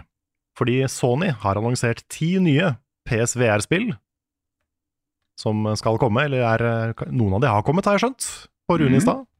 Det første er Gorn. G-O-R-N, som er et beat 'em up- beat up-spill. Så har vi Knock Bow pluss Arrow Soccer, som er et fotballspill med pil og bue. ok. Hellsweeper VR er et actionspill som tuller med fysikk. Det er visst veldig lite fysikk, så du kan gjøre mye sånn der low gravity shit, virker det som. Sushi Ben er et eventyrspill om en sushirestaurant. Tipper hovedpersonen heter Ben, Mm. hvis ikke det betyr noe annet. Another Fisherman's Tale er et puslespill som er oppfølgeren til A Fisherman's Tale. Shit. Det er det kanskje en annen Fisherman denne gangen her. Ja, kanskje. Enten en annen Fisherman eller en annen Tale. Og så har vi Ragnarok med CK, mm. som er, som det høres ut som, et rytmespill med vikingtema. Riktig. Runner er et motorsykkel-actionspill. Og som Rune nevnte i stad, Unplugged Air Guitar. Det er mulig det er en update det er snakk om, da, for det er da et musikkspill som får lisensiert musikk fra blant annet Ossie Osborne, Weezer og The Offspring. Oi. Så har vi Swordsman VR, som er et realistisk sverdfektespill. Og til slutt står det Start, Start Enders Intergalactic Bartending, OK. som også er akkurat det det høres ut som. Det er Intergalactic, eh, Intergalactic Bartending. Ja. Så det er på vei. Det kommer jo også en State of Play i natt for oss, Stemmer. som vi dessverre ikke får med oss i podkasten. Der kommer det sikkert enda mer VR-nyheter. Skulle ikke forundre meg. Så eh, stay tuned for det i neste gang vi snakker om nyheter. Mm. Vi går videre til en, eh, en lekkasje. En, eh, en artbook-lekkasje til Selda Tears of the Kingdom, Oh, ja. som har havna på internett. Hele, eh, en, flere hundre sider, eller i hvert fall over hundre sider, med, med tegninger fra Tears of the Kingdom har landa på, på, på internett. Flere måneder før release. Mm. Det kunne vært krise, men det virker ikke som det er noen store spoilere i, i denne her. Jeg holdt meg unna den bare for å være sikker. Jeg også har det. Jeg har bare lest om hva det, hva det er i den. Jeg skjønner fortsatt ikke hvordan sånne ting skjer, jeg. Skal jeg være helt ærlig. Det er sikkert en eller annen eh, Collectors Edition som har uh, dukka opp tidlig, og så har noen fått tak i den. Feil person. Kan Posta bilder. Ja. Det er nok fort gjort. Yeah. Men, ehm, men ja. Det virker jo som dette For dette er jo en bok som følger med spillet. Så man skal jo kunne bla gjennom den boka før man har spilt spillet, egentlig. Mm. Ja. Så da gir det jo mening at det ikke er noen store spoilere i boka. Så det er, det, det er nok ikke så krise som det kanskje kan høres ut som. Og så går vi videre til det originale Angry Birds, som trekkes fra Google Play Oi, og bytter navn på IOS til Reds First Flight. ok. Vet, vet dere hvorfor det skjer? Nei. Det er fordi det var så populært, og Rovio vil heller at du skal bruke pengene på spill som har mikrotransaksjoner. Det, første, det første Angry Birds har jo ikke mikrotransaksjoner, Oh, ja, OK. så, så, så Rovio vil ikke at du skal kjøpe det. Nei, Eller kjøpe, kjøpe det som du kan bruke mikrotransaksjonspenger på. selvfølgelig. Mm, men det er jo hyggelig. Det er Så det kjekt er, de å eh, det, da. The State of Mobile Gaming der, altså. Mhm. Så tilbake til Wild Hearts, som har en del performance-problemer på PC. Ja? Eh, Det har fått en patch, men det er visst ikke så mye bedre ennå. Nei. Eh, PlayStation 5-versjonen hadde også en, et crash-problem hvis man har blokkert over 100 mennesker på kontoen sin. Ha! Så det er sikkert hvis du har blokka 100 personer, så blir Wildheart stressa, og så bare nei, nå er altfor mange mennesker å ikke, ikke matche med. Jeg vet ikke. Men Yes. eh, det skal være fiksa nå, da. Ok. Og så har jeg noen sånne avslutter med noen rapid fire-nyheter. Så hvis du, Svens, kan komme med en sånn derre mens jeg leser opp de siste nyhetene. Ok. Ja. Lies of P kommer i august. Oi. Firaxis bekrefter at de jobber med Civilization 7.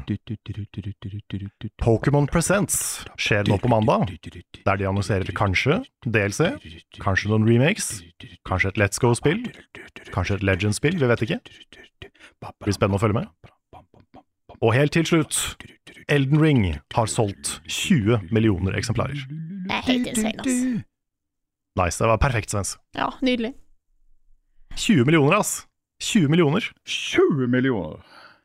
20 millioner. Det det er er- en god del mer enn noen andre FromSoft-spill har gjort.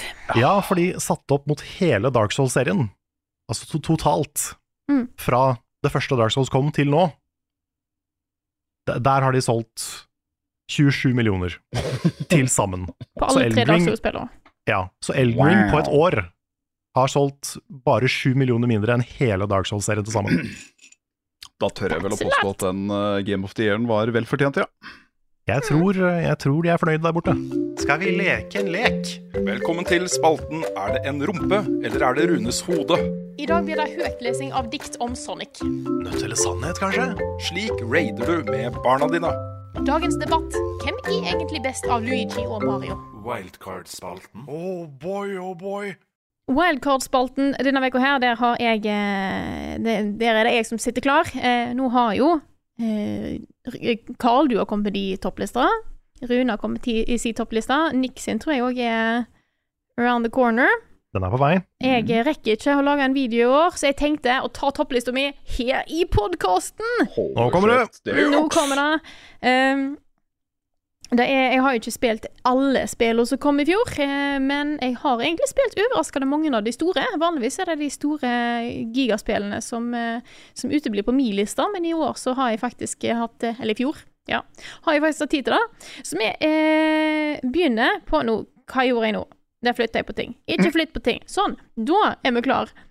Vil først nevne, fordi at jeg klarte ikke å få det inn på topplista, fordi at det er for mye junk ved det. Eh, det har jeg satt både Sonic Frontiers og Pokémon Violet. Eh, jeg har kost meg veldig mye med det, mer enn jeg skulle tro. Eh, nå har jeg faktisk kommet meg gjennom Pokémon Violet, som er en av de første Pokémon-spillene på et par år som jeg faktisk har fullført. Eh, og syns det var kos, men det er, det er It's not good enough eh, på det tekniske, og Sonic Frontiers hadde sine ting da òg. Eh, Så Mm. derfor eh, Jeg vil bare nevne det, eh, litt for å si at eh, de har vært viktige for meg, men jeg klarer ikke helt å sette dem på topplista med god samvittighet. Så da begynner vi på nummer ti. Kan jeg få stikke inn en kjapp ting først? Ja, gjerne. Jeg skjønner det at uh, Pokémon Violet og Scarlet Det er min cyberpunk-opplevelse. Fordi jeg opplevde to bugs under hele min playthrough av, eh, av det spillet. Ja. Ha. Så jeg syns nesten det har vært det beste Pokémon-spillet på lenge. Ja, for, for Ja, meg så er det på Jeg hadde veldig få bugs, men opp, altså Det er for mye hakking i framerate. Det er Hvis jeg slåss ved et vann, for eksempel, Mm. Da gikk det på sånn 15, 15 FPS-ish. Og det er jeg den var, biten. jeg var under én. Ja. For jeg spilte jo dette her ganske seint. Jeg spilte jo dette her i jula og i løpet av januar, og da har det kommet Samme en del patches.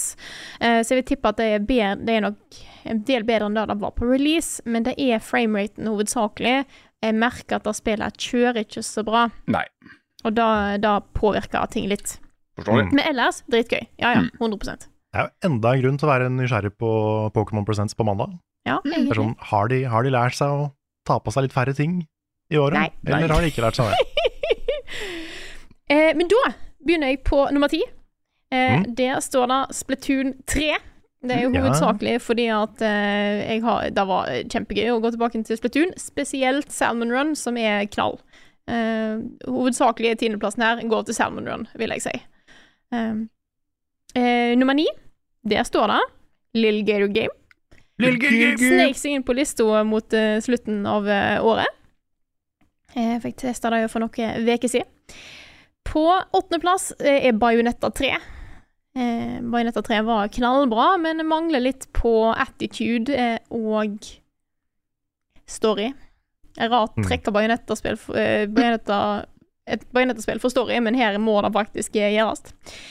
Eh, på sjette Nei, ti, ni, åtte, sjuendeplass eh, har jeg Stray. Dette koselige kattespillet satt i en litt eh, futuristisk eh, verden. Eh, utrolig sjarmerende katt. Jeg kan kjenne igjen mange ting som den katten gjorde, som mine katter gjør. Men jeg syns egentlig bare settingen i seg sjøl var så stilig. Og hele verden, hvordan den var bygd opp. Den, Ja, for den, den var ikke så koselig.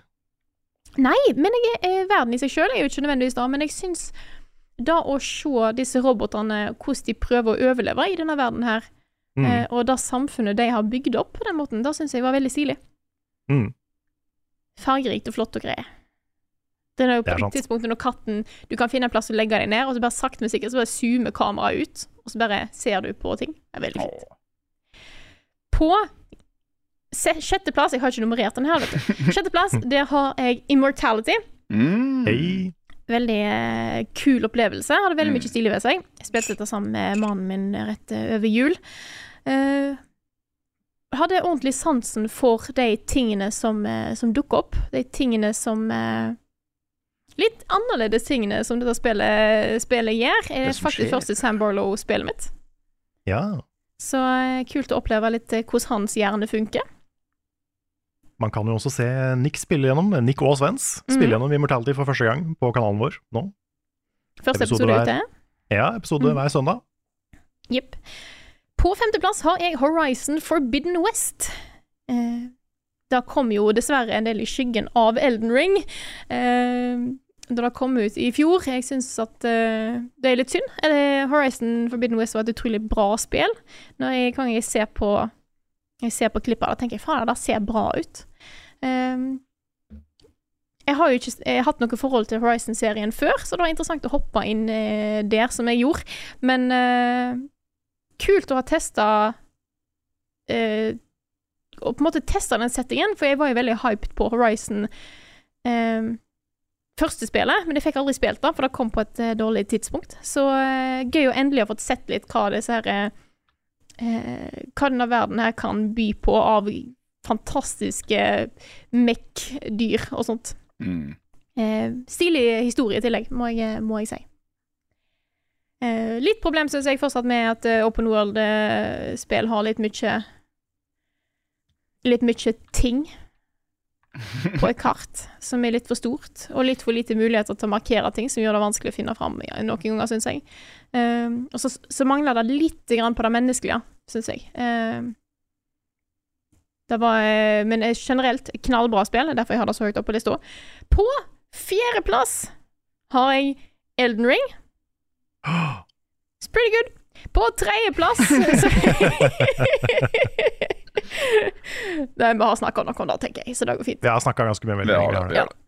På tredjeplass har jeg Tunic, eh, Mm. som er en av de stiligste spillopplevelsene jeg har vært borti på lenge. Den, må, den måten da spillet utvikler seg på, eh, ikke bare på en måte i gameplay-sammenheng, men måten en opplever da spillet, etter hvert som en forstår hva som ligger der, da, som starter som et Zelda eh, retroaktig spill, som blir en Souls-like, som blir noe ganske mye annet hvis du vil gå inn i det.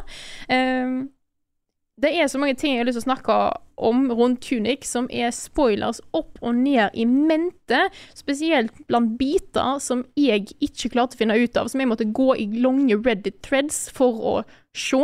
Eh, men hvis jeg sier det, så er det spoilers for noen som ikke har gjort det, og ikke får oppleve det, så jeg, jeg vil bare snakke om den biten. Eh, men eh, vi får ta det etter hvert når Nick blir ferdig med hans gjennomspilling, som han har begynt med på Twitch, og som han har sagt han skal fortsette med. Mhm. Så Kan jeg- gleder jeg meg til. Kan jeg spørre spørsmål om Tunic? Mm.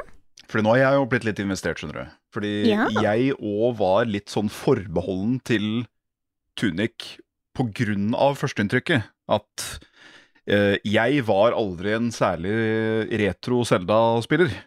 Eh, setter pris på det for hva det var, men ikke, ikke noe for meg.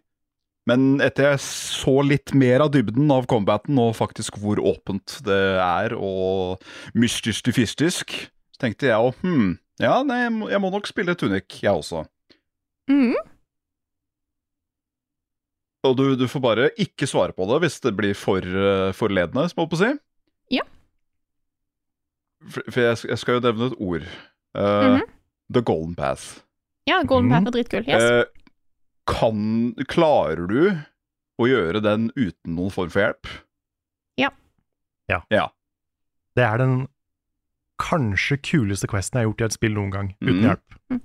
Jeg måtte sjekke opp én ting, fordi at jeg var helt sikker på at jeg gjorde noe rett, men jeg bare fikk det ikke til å gå opp. Eh, og så måtte jeg bare sjekke ja, det var det jeg skulle gjøre. Det var det eneste jeg gjorde. Det er ikke sånn, Ellers så det er ikke sånn Du får nesten hjerneskade av hvor kryptisk det er, liksom. Du klarer å følge the path. Ja, du klarer å følge the path. Okay, det jeg snakker om, er, er forbi. Det er beyond. Ok. Um, Ja. Da er ting som er sånn what the fuck, Oi. hva i svarte. Og det var mer enn på en måte da opp det, Så dette, dette handler ikke om det jeg snakka om i stad, med det jeg måtte på Reddit threads og sånt. Det er en egen del av spillet som jeg tror jeg kun for spesielt interesserte. Ja, okay. Og som var kult å høre om i ettertid, Ja. eh, men som eh, det er, For det er relatert til noe som heter The Glyph Tower. Oi.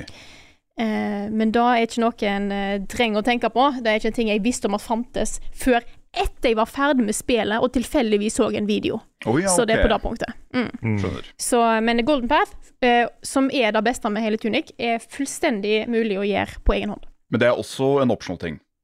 Ja. Ja, Ja. Mm. Kult. Og anbefales å gjøre på egen hånd. Yes. Ja, okay. Og eh, jeg tror jeg nevnte dette på streamen òg. Eh, siden Golden Path blir så mye snakk om, eh, så har jeg fått spørsmål om det før. Du kan ikke eh, på en måte lokke deg sjøl ut av The Golden Path. Du kan eh, gjøre Golden Path når du vil. Eh, ikke egentlig når du vil, men liksom du, du trenger ikke å stresse med at 'når skal jeg gjøre det Golden Path'? Ta den seinere. Mm, Bare så det er sagt. kult. Det er ikke sånn at du er nødt til å ha snakka med en dude overalt rett Quest for å få rett ting som du kun kunne fått hvis du gikk i den Nei, det er For nå er han død? Ja, så det er ikke noe Mm. sånt. Nei, ok, kult. Uh, Nei, det er, det er veldig, veldig late game. uh, og hvis ikke du vet hvor du skal begynne engang, så kan du liksom Du kan google det hvis du vil. Bare sånn hvor skal jeg leite? Men hvis du klarer å gjøre questen uten å slå opp noe, så får du en veldig kul opplevelse. Ok, Mm. nice. På andreplass har jeg God of War Ragnarok. Mm. Ja. Vi holder jo på med topplista. Eh, hovedsakelig fordi den historien er fantastisk. Ja, eh, gameplayet er amazing. Dette er eh, Dette kan den, den serien kan dette her. Men, men historien her, og karakterene, og måten du får sett forholdet mellom Kratos og Atre- Atreus, og alle de andre karakterene i dette spillet, som nå er så mye mer sentrale enn bare en liten sånn derre fyr som står og sier festlige ting på et hjørne.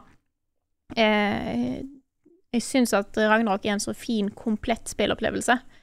Eh, og jeg, jeg elsker jo måten de, de portretterer de forskjellige gudene, hvordan de har dratt i norrøn mytologi i dette her. Generelt knallbra spill. Eh, nå har vi snakka litt om det før i dag, så jeg tenkte jeg skulle ikke dra det altfor langt ut. Eh, men eh, absolutt, absolutt verdig en andreplass. Og da, førsteplassen, kanskje ikke sjokk, der står det Xenoblade Chronicles 3, altså. Fy fader. Ja, of course. Mm. Dette er jo eh, det spillet som, eh, som fullstendig broke me flere ganger. Eh, det er sjelden jeg har vært borti spill som klarer å sette opp historietroa og overraske meg, og ting er så koselig og fint og hjerteskjærende og trist. Um, du har en setting der verden bare består av krig, eh, og du vet at du kommer til å dø, og du vet når du kommer til å dø, sannsynligvis.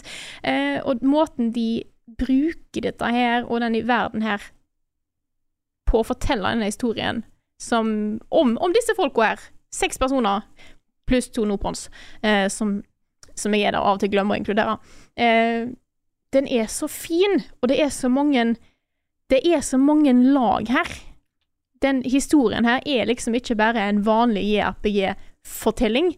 Den har så mange deler som du innser bare sånn Å ja, shit, ja, da betyr OK, ja, da har så mye implikasjoner for ting som har skjedd før, og så sitter jeg og griner. Og så griner jeg mer, eh, fordi at ting er bare eh, helt insane. Det er den sjukeste historien jeg har vært borti på lenge, selv om han er jæklig lang, som de alltid er, dette her. Eh, men det er, det er deler av den historien her som er fantastisk, kombinert med et soundtrack som er følelsesladd uten like. Hver gang jeg tenker på dette her, så blir jeg bare Jeg blir både glad og trist, og litt sånn åh, gud, dette for, for, en, for, en, eh, for en fortelling jeg har vært vært igjennom. Så jeg er veldig glad for at jeg har eh, klart å pushe på Xenoblade på både deg og Nick, eh, Karl. Oh yes. Det Mhm. var uh, måte med på lista mi òg. It's a very good game. It is a very good game. Eh, det, det er så kult at um, Så vidt jeg har skjønt, da, så har jo han uh, lead directoren har prøvd å fortelle en sånn multigame-historie i veldig, veldig mange år, helt siden uh, Gears på PlayStation 1. Og med Xenoblade 3 så er det på en måte første gang han faktisk har klart det. Han har fullført den historien han på en måte begynte på. Mm. At dette her er en trilogi som nå er litt komplett, da. Det er kult. Ja, det er veldig stilig. Etter så mye prøving og feiling med Xenogears og Xenosaga, så har liksom nå Xenoblade fått det til. Ja, for Xenoblade 1, Chronicles 1 og 2 er veldig gode, men jeg føler at de, de, det er Xenoblade Chronicles 3 som virkelig får til historiefortelling, og liksom Mm. ja, får knytta ting litt uh, sammen, da. Det er en veldig bra historie. Det er jo, eh, skal jo komme story DLC-er. Ja, det skal komme, det er sant. Eh, Mm. Nei, det er noen kapitler i det spillet som er eh, ganske intense. Absolutt. Det er Det er, det er liksom det er, det er et spill som er knallbra fra start, og så blir det bedre. Det er et spill som bare Som jeg følte hele tida imponerte meg med med, eh, med måten historien Hva vei- veier historien gikk, og, og nye ting som er lagt til i combat, og alt mulig rart. Kult spill! Eh, derfor var det på førsteplass, og da Da var topplista mi for 2022, altså. I did it. Thank you, thank you. Hva er hennes best, hvor var fredag sist? Har Carl egentlig sopp? Ukens spørsmål. Denne gangen her starter vi med et spørsmål fra Sofia Argren, som spør Dere snakker ofte om beste og verste spill, men hva er det mest medi mediocre, altså mediocre eh, spillet dere har spilt? Altså tidenes midt på treet-spill? Svar? Mm. Men offensively inoffensive. Ja, jeg ga jo nettopp Forspoken fem av ti, da. ja. Ja, Så er kanskje Forspoken akkurat nå. ganske kraftig med. Mm. Ja, det er det som er så kjipt, for det er ikke så med heller. Det er liksom Det er veldig dårlig på noen ting, og veldig bra på noen ting. Mm. Da sitter man bare og tenker på hvor bra det kunne vært. Så er det, mer, det er nesten mer trist enn det er med. Å ja, sånn ja. Ja. Sonic Forces, det var mediocre. Ja. Mediocre. ja, da var virkelig bare det ja, flatt. Det var superflatt. Ja. Superflatt. Superflatt. Shit, jeg hadde det på tunga. Har, det, der er det spillet jeg spilte som heter Å, gud. Det der som var sånn der eh, russisk comrade, eh, men òg dokke og greier. Hva var det hette? Var det Tomorrow Children? Tomorrow Children. Da var tamt, da. Hmm. I Morraburn. I ja. liksom- Det var noe der, men så var jeg mer sånn Dette her er jo ingenting. hmm. Så det var ikke nødvendigvis dårlig, det var bare uh, ved. Ja. Litt dårlig var det òg, men ja. Epic Mickey 2 var ganske mediocre. Mm. Det prøvde seg på musikal og sånn, så det var litt kult, men, Mm. men det, var, det var bare ikke bra nok. Jeg um, i, i, I fare for å bli han som kun prater om Souls-like, jeg beklager, um, syns jeg Thymesia var et sånn typisk seks um, av ti-spill. Mm. For det, det, det gjorde mye kult, men du på en måte opplever alt spillet har å by på i første bane. Ja. Så da blir det veldig sånn hmm Ja, her var det ikke noe særlig mye til utvikling. Og at det føles ut som noen Souls-like skal bare lage Dark Souls på nytt igjen, på en måte. Ja. Mm. Og dette føltes ut som noen som prøvde å lage Bloodborne på nytt igjen. Med blanda hell. Riktig. Hadde litt samme opplevelse med det første The Surge, kanskje? Ja, ja, det er et veldig sånn mm, spill. Mm. For toeren, det er veldig kult igjen. Ja, Surge 2 er kjempebra. Det Jeg er innser sant. som regel hvis det er et spill som er så tamt, så stopper jeg. Ja. Ja. Jeg klarte aldri å bli ferdig med det Ja, jeg husker ikke navnet på det engang. Det Anime-Soul-spillet. Og Code Vein. Code Vein, ja. Code Vein er et bra eksempel. Det var, Det var- veldig, det var veldig middels. Det er sånn perfekt femmer, føler jeg. Mm. For det, det, det er veldig mye kult der, men det bare er så ikke tuna og finslipt på noen som helst måte. Og så Jeg er husker det ikke hva jeg ga det, om det var eh, fem eller seks eller sju. Men Ja. eh, Jeg husker var- fortsatt hva du sa på slutten av anmeldelsen din, og jeg er helt enig at det er noen ting her som er ganske kule. At hvis det kommer et Code Wayne 2, så kan det plutselig bli et skikkelig kult spill. mm, Men jeg tror kan jeg? DLC-ene til Code Wayne har alle mostly negative. Å ja. Mm. De hadde jeg ikke hørt om engang, hvis ikke de fantes. De er eh, De er rett og slett det mest uinspirerte copy-pasta sånn eh, geografi du har sett, med noen sånne helt bullshit-bosser helt på slutten, som er liksom verre enn siste bossen. Hmm. Så ikke veldig bra. Nei, det er ikke veldig bra. Skal vi gå videre til et eh, nytt spørsmål? Yeah! Har du et, kall? Jeg har et, også. Det er, eh, skal vi se, det er fra Christian Larsen på Patron. Ja. Jeg la merke til på ukestreamen at Patron har gått noe ned siden dere, siden dere rekrutterte Nick. Hvordan har dette påvirket dere som selskap eller personlig? Eller merker dere ikke mye til det pga. gameravtalen? Mm. Vi kan, eh, kan snakke litt om det. Mhm. Det stemmer at eh, Patron har gått litt ned, og det er mye vår skyld, fordi vi har ikke vært så flinke til å pushe Patron. Vi hadde jo den der megastreamen i Det er jo snart to år siden, Stemmer. tror jeg, som førte til at vi, det var et sånt svært Patron-push vi gjorde. Um, og da lå jo Patron på rundt der hvor det ligger nå, i starten. Mm. Og så kjørte vi den der gigapush-greia der, og da fikk vi det opp på 15 000. Vi hadde vel to, tror jeg, etter hvert, eh, på, måte, på relativt kort tid. Ja, det stemmer nok. Ja, Så vi kom først litt opp, og så kom vi opp litt til. Ja, stemmer. Og det førte til at vi kunne ansette Nick. Eh, Nick har jo ikke fått sparken, så det, ingen trenger å være redde for det. Um, hadde vi ikke hatt avtalen med Good Game og Rune sin NRK-jobb, blant annet, Mm. så hadde det vært skummelt. Ja. Det er litt mindre skummelt av det, heldigvis. Så det er ikke noe fare for at noen mister jobben med det første, eller noe sånt. Men eh, det er jo Det har jo gått ned, man merker jo det, liksom. Det er jo en hel eh, fulltidsstilling pluss.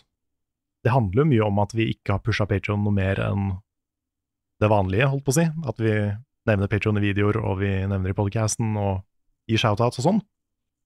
Og, og så er det jo nedgangstider om dagen. Det er det. Folk har, folk har dårlig råd. Eh, Det er dyrt å leve om dagen. Mm. Og da har vi full forståelse for. Det er, vi får alltid melding fra folk som sier at eh, de har veldig lyst til å støtte oss, men eh, økonomien strekker ikke til lenger. Og da skjønner jeg. 100% Det er ikke vanskelig å forstå. Mat og regninger går over oss.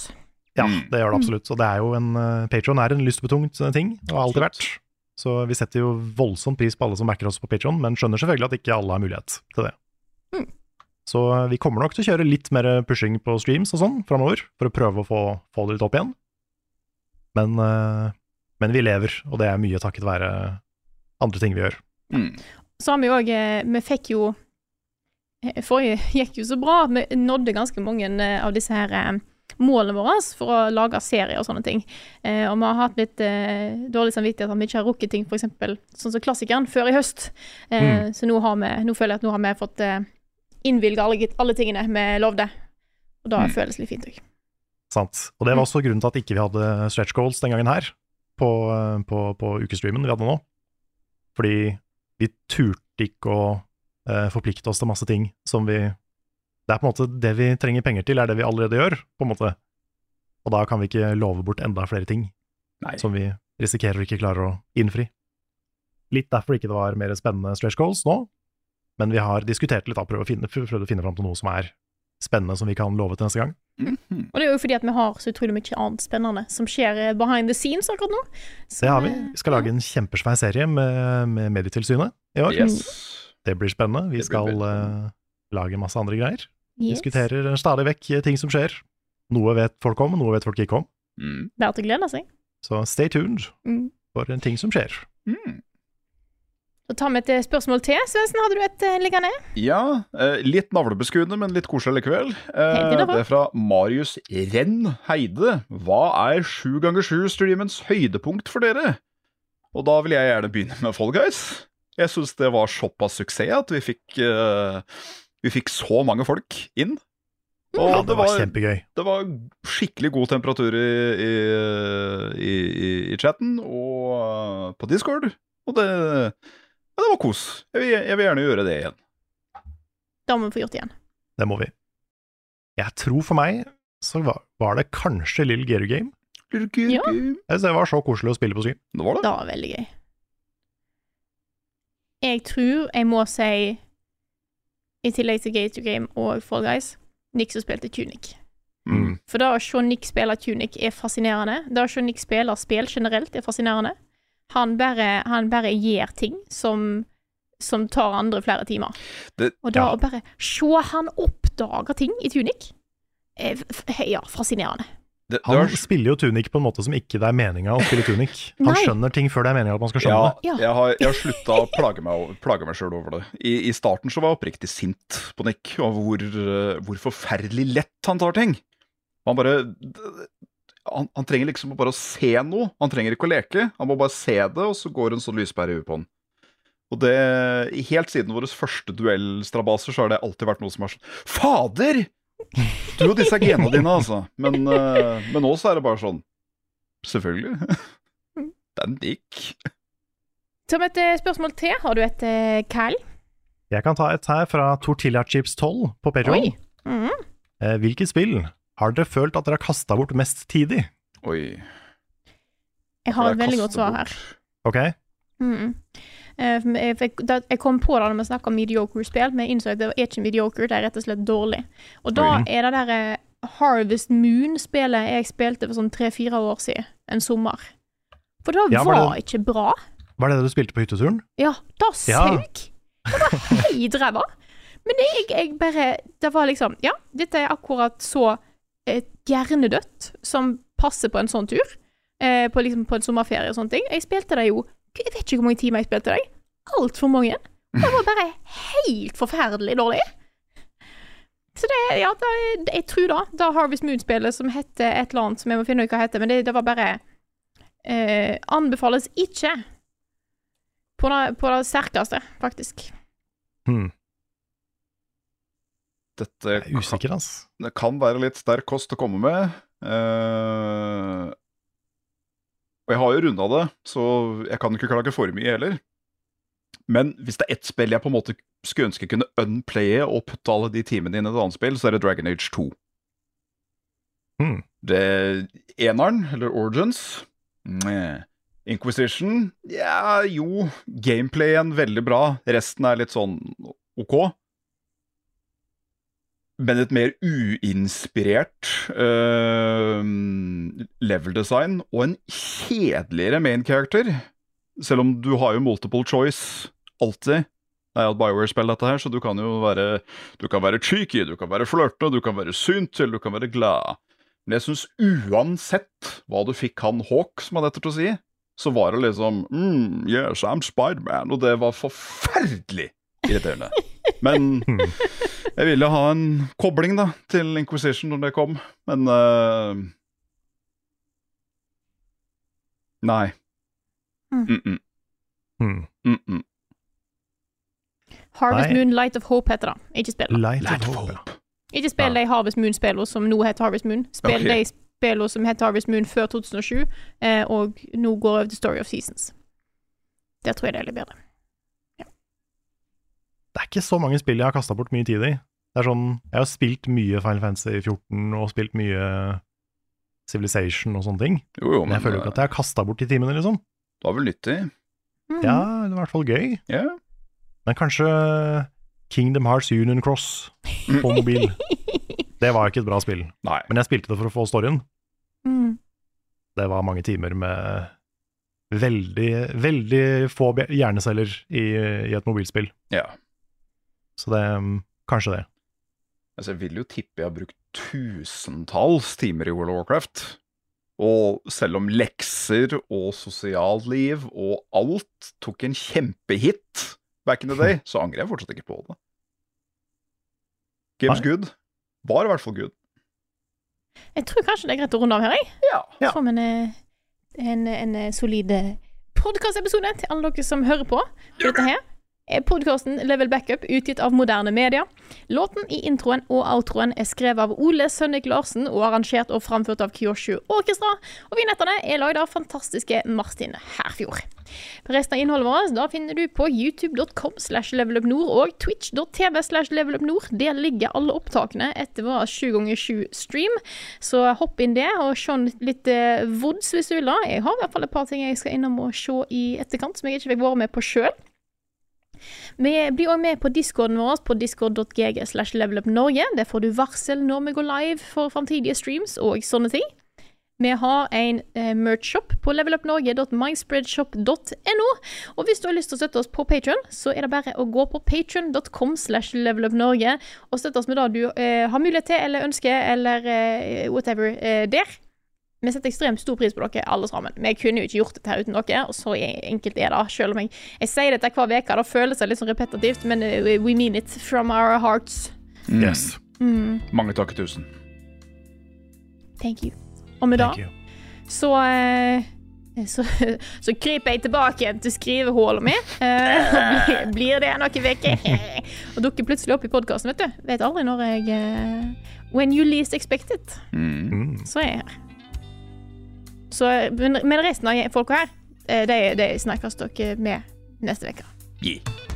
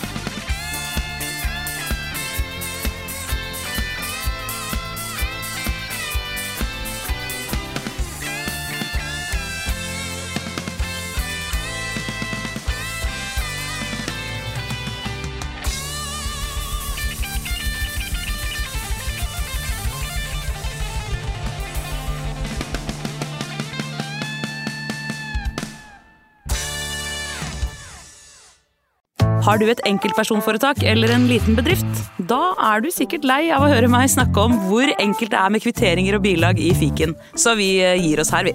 Fordi vi liker enkelt. Fiken superenkelt regnskap.